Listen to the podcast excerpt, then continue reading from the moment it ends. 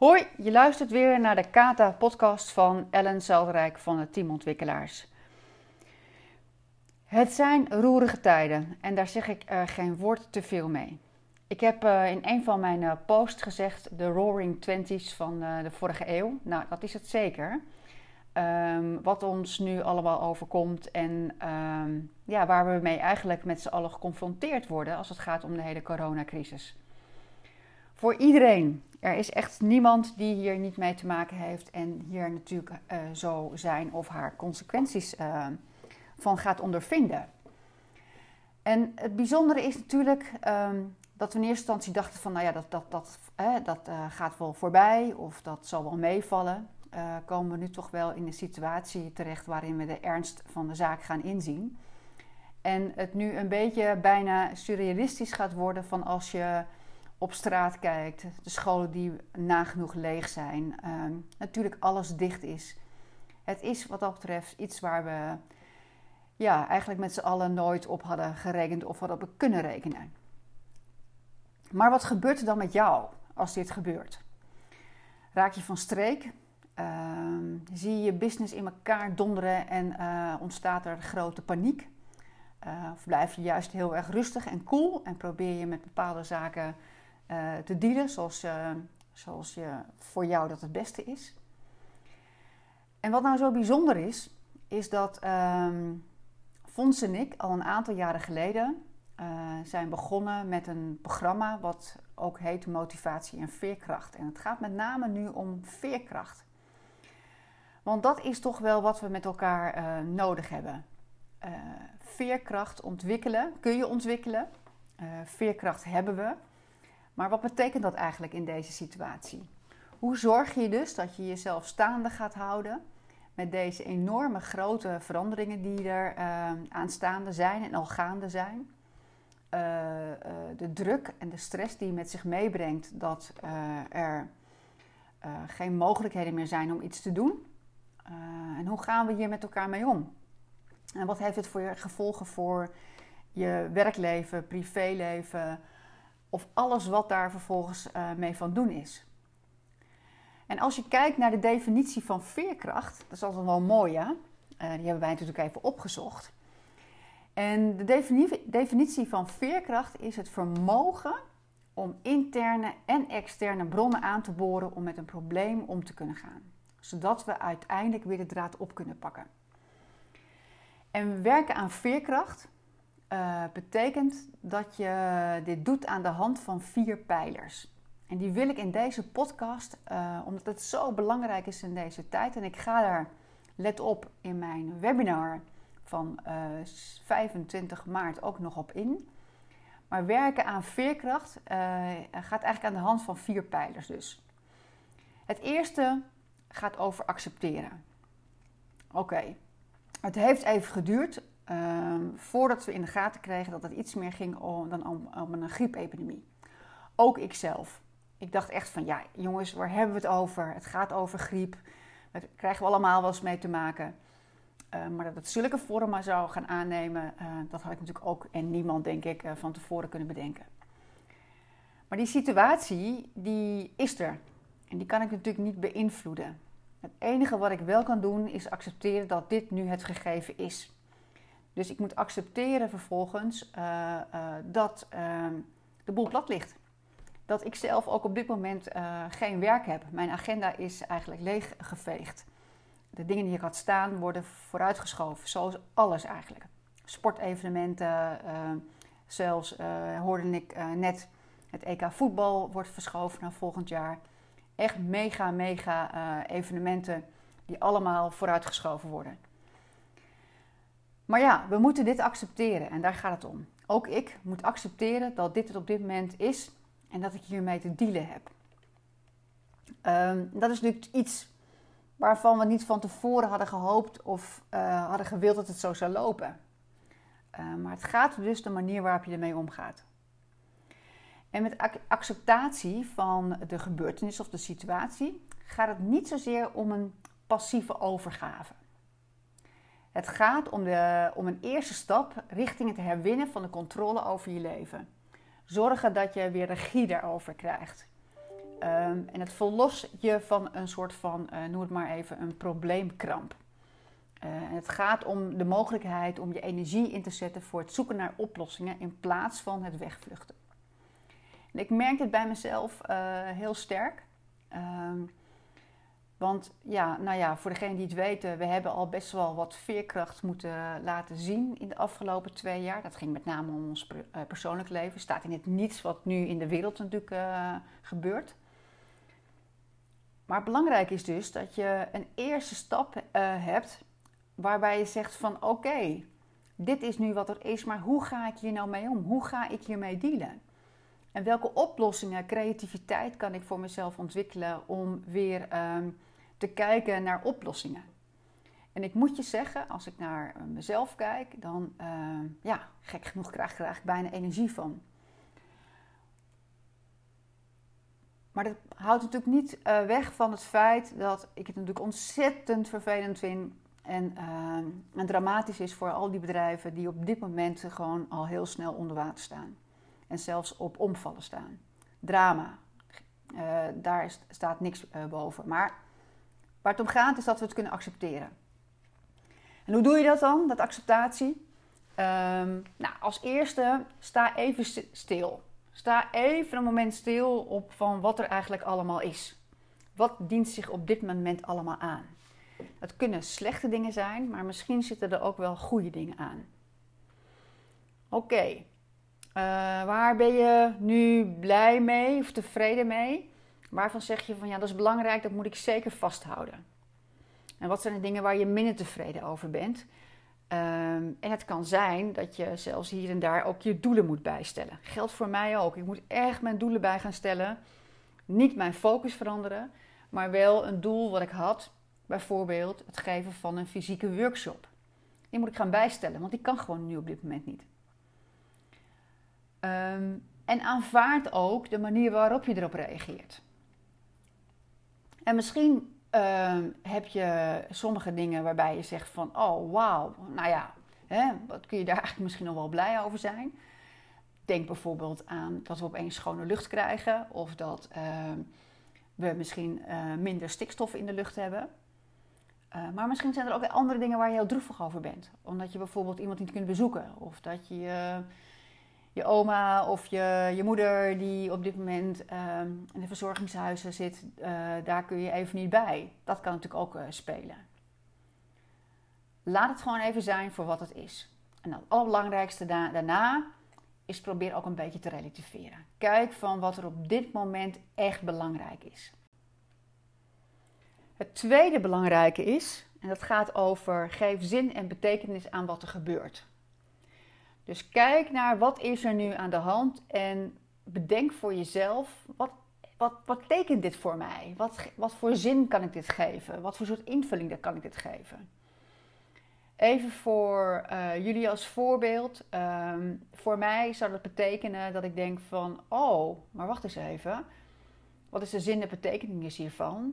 Ik moet nu echt heel erg uh, na gaan denken, creatief gaan worden van hoe kan ik op een andere manier uh, gaan werken. Nou, natuurlijk, natuurlijk het eerste wat je zou kunnen bedenken is uh, online, maar welke betekenis geef ik eraan? Wat, wat, wat biedt het ons dit? Nou, ook voor mezelf uh, misschien wel resetten. Nadenken over van wat is nou eigenlijk wat echt betekenisvol is. Waar zit voor mij mijn zingeving? Wat doet het ertoe wat ik iedere dag doe? Daar kun je eens bij stilstaan. En dat is uh, de vraag bij uh, geef er uh, betekenis aan. Um, en je kunt ook eens je, je situatie bekijken. Hoe heb ik aandacht voor eigenlijk alles gehad? Hoe, waar heb ik heel veel aandacht aan besteed als het gaat om familie, werk, sociaal leven, gezondheid, je persoonlijke ontwikkeling?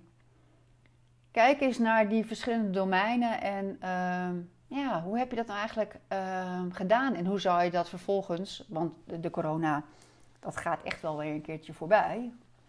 Um, hoe zou je het gaan doen? Ga je het anders doen? Ga je het misschien anders invullen? Of zeg je van, nou nee, eigenlijk ging het hartstikke goed. even een moment van bezinning om te zien van heb ik nog steeds de juiste dingen gedaan die ik wilde doen. Nou, de derde, dat gaat over verbind je met je krachten en hulpbronnen. Dat betekent dus dat je ehm, kijkt van uh, wie uh, kan je helpen. Uh, we kunnen dus niet controleren wat er met ons gebeurt, maar we kunnen wel controleren wat er in ons gebeurt. Dat is een mooie uitspraak van Benjamin Franklin. En ehm, ja, wat, wat, wat betekent dat voor jou? Verbind je met je krachten en hulpbronnen. Kijk uh, met wie je misschien wel uh, samen creatieve sessies kunt uh, gaan ontwikkelen om te zien van hé, hey, waar liggen mogelijkheden. we zitten natuurlijk nog pas in de eerste week. En de, de schok is natuurlijk nog groot dat we zo geconfronteerd worden met al deze hele sterke en strenge maatregelen. Maar over een week, als dat een beetje ingedaald is, of alvast twee weken, dan beginnen we weer bepaalde structuren voor onszelf, bepaalde ritme voor onszelf op te bouwen. Ehm, wat is dan uh, belangrijk voor jou? En verbind je dan met je eigen kracht en je, en je kwaliteit. Nou, de laatste pijler, dat is zet gewoon vandaag weer een eerste stap. Laat wat je niet kunt je niet tegenhouden om te doen wat je wel kunt. Laten we niet vasthouden aan van wat er allemaal niet is. Laten we vooral kijken van wat er allemaal nog wel is. Um, dus waarbij je op een gegeven moment uh, ziet van, oh ja, weet je, um, ik kan de hele dag zien dat ik allemaal niet meer kan, um, kan uit eten gaan of dat ik niet meer naar het theater kan gaan. Maar wat is er nog wel? En als je daar uh, naar kijkt, dan heb je alweer een volgende stap uh, gedaan. Dus wat dat betreft, even in het kort, want er is natuurlijk nog veel meer over te vertellen. En in de webinar van 25 maart ga ik daar ook nog iets meer op in. In combinatie ook natuurlijk met uh, de verbeterkata. Uh, maar ik dacht misschien even een hart onder de riem te steken. Op basis van wat voor soort veerkracht we met z'n allen moeten laten zien. En dat die vier pijlers, accepteer dus, geef zin en betekenis aan wat er gebeurt. Verbind je met je krachten en hulpbronnen en zet een stap blijf niet hangen, maar zet echt een stap. Dat je dit misschien alvast kan helpen om na te denken over de situatie van waar je in zit. Um, en nogmaals, niet bij de pakken neer gaan zitten. Um, de wereld is nog niet vergaan. Um, er staat een hoop te doen. We, we, zullen nog een tijdje hiermee geconfronteerd worden. Maar ik geloof echt in uh, dat er uh, uit deze nou, bizarre situatie er weer hele uh, nieuwe ontwikkelingen ontstaan. Waar we misschien wel nog de komende tien jaar, bij wijze van spreken, nog mee bezig zouden gaan. En dat misschien binnen twee maanden nu is uh, georganiseerd omdat we wel moeten. En één klein voorbeeldje daarvan, uh, wat ik nu natuurlijk merk en waar iedereen ontzettend druk mee is en heel veel respect en bewondering voor heb, is natuurlijk het onderwijs. Het onderwijs kijkt al heel lang tegen digitaal onderwijs aan. Sommige scholen zijn er al verder mee. Op sommige scholen waren docenten daar nou niet altijd even blij mee. Maar nu moet iedere school digitaal onderwijs gaan aanbieden. Ze moeten gaan uh, op afstand uh, um, uh, online lessen gaan doen. Nou, bedenk maar eens wat dit voor docenten, leraren betekent en welke drempels zij overheen moeten om dit in hele korte tijd te gaan doen.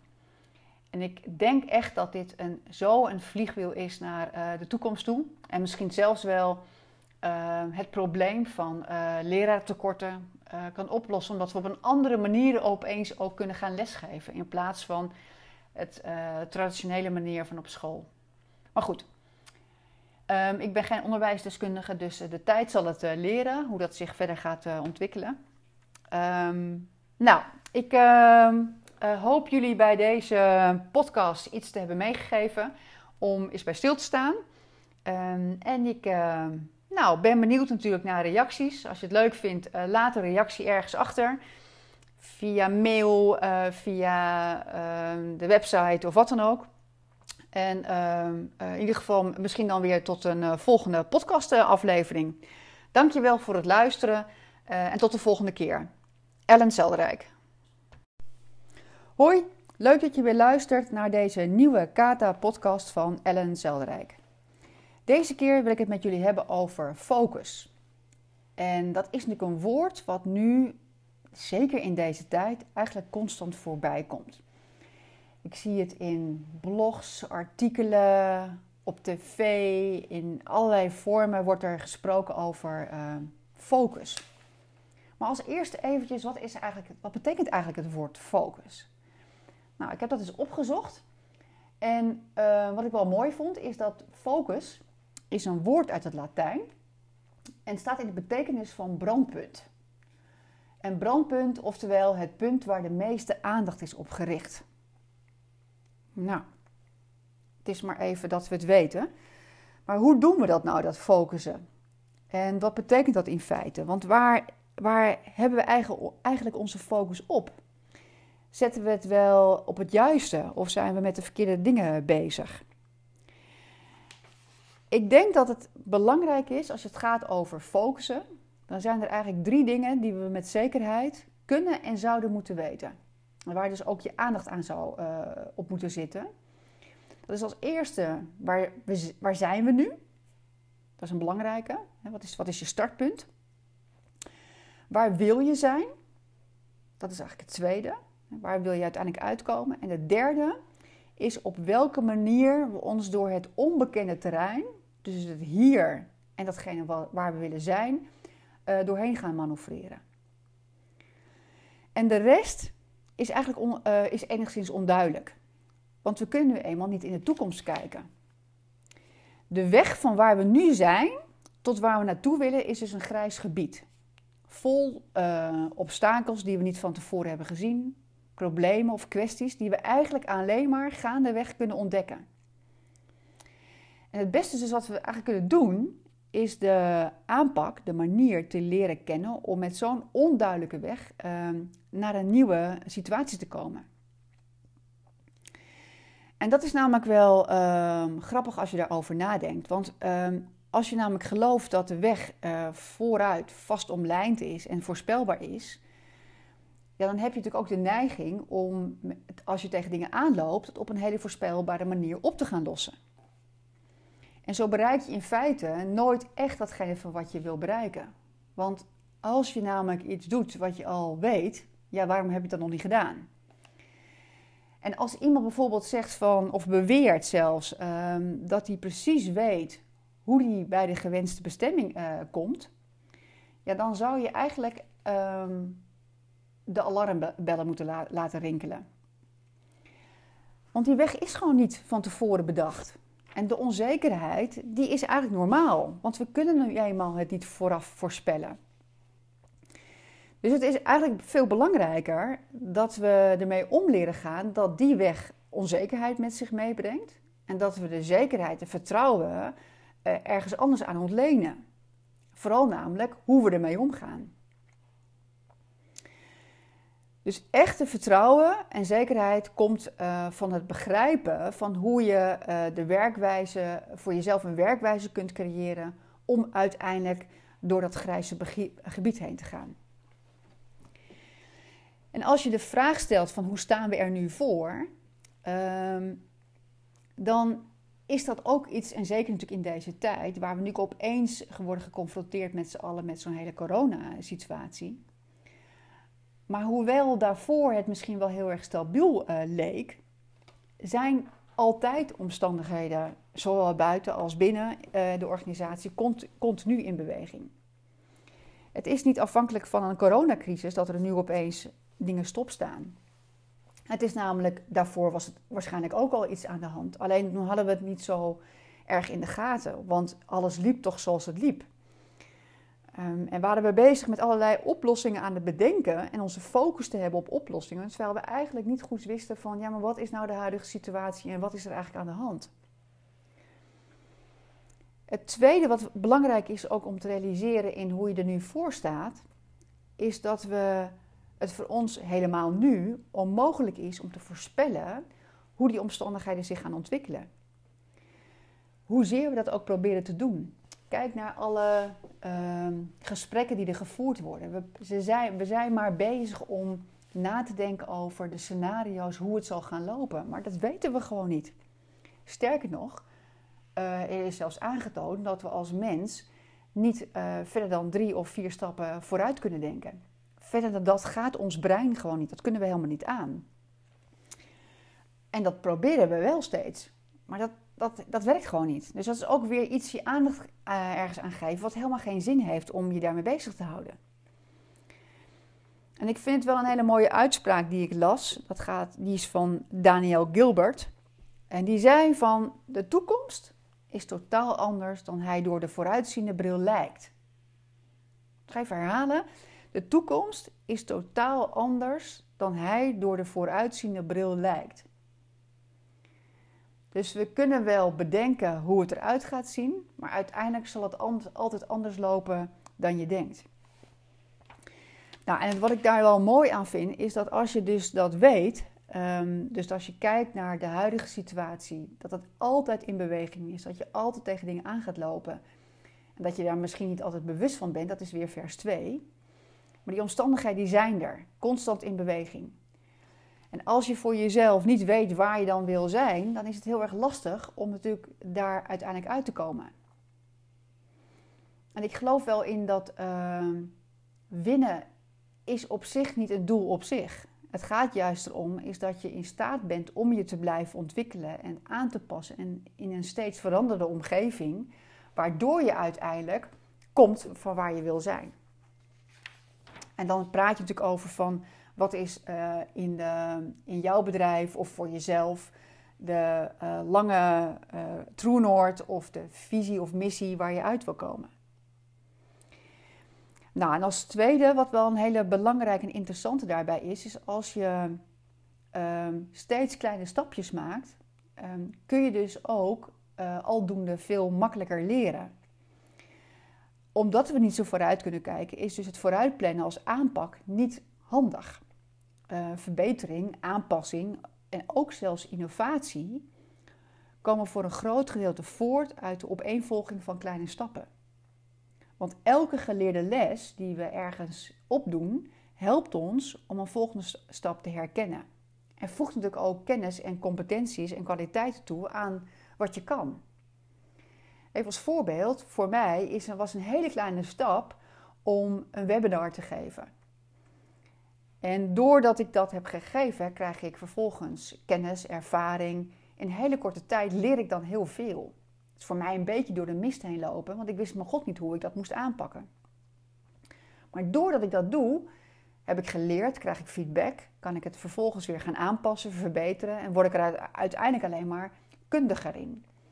En als ik dat kan, dan kan ik vervolgens ook weer door naar een volgende stap die ik voor mezelf heb bedacht om uiteindelijk uit te komen van waar ik graag wil zijn. En als je dat voor jezelf kan blijven vasthouden, dan ben je ook aan het focussen. Dan ben je je steeds, geef je je aandacht aan de volgende stap en ben je niet met je aandacht bezig om 30 stappen vooruit te denken. Nou, dat wilde ik je meegeven in deze uh, uh, podcast voor, van, voor deze keer. En voor jezelf is de vraag te stellen van oké, weet ik waar ik nu sta? Weet ik waar ik naartoe wil?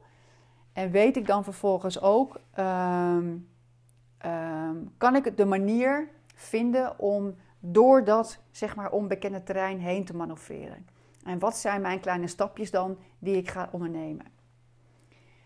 Eén belangrijke tip is, als je jezelf de vraag stelt, ik weet niet hoe ik dit moet aanpakken, dan heb je meestal een goede volgende stap te pakken. Als je een volgende stap neerzet van waarvan je eigenlijk al weet hoe je het moet doen, dan is dit niet je eerste volgende stap die je moet gaan maken om echte stappen te maken, om echt vooruit te gaan. Nou, heel veel uh, luisterplezier plezier weer. En ik zou zeggen, heel veel succes met datgene van waar je mee bezig bent. En uh, nou, misschien weer tot een uh, volgende Luisterkata-podcast. Dankjewel.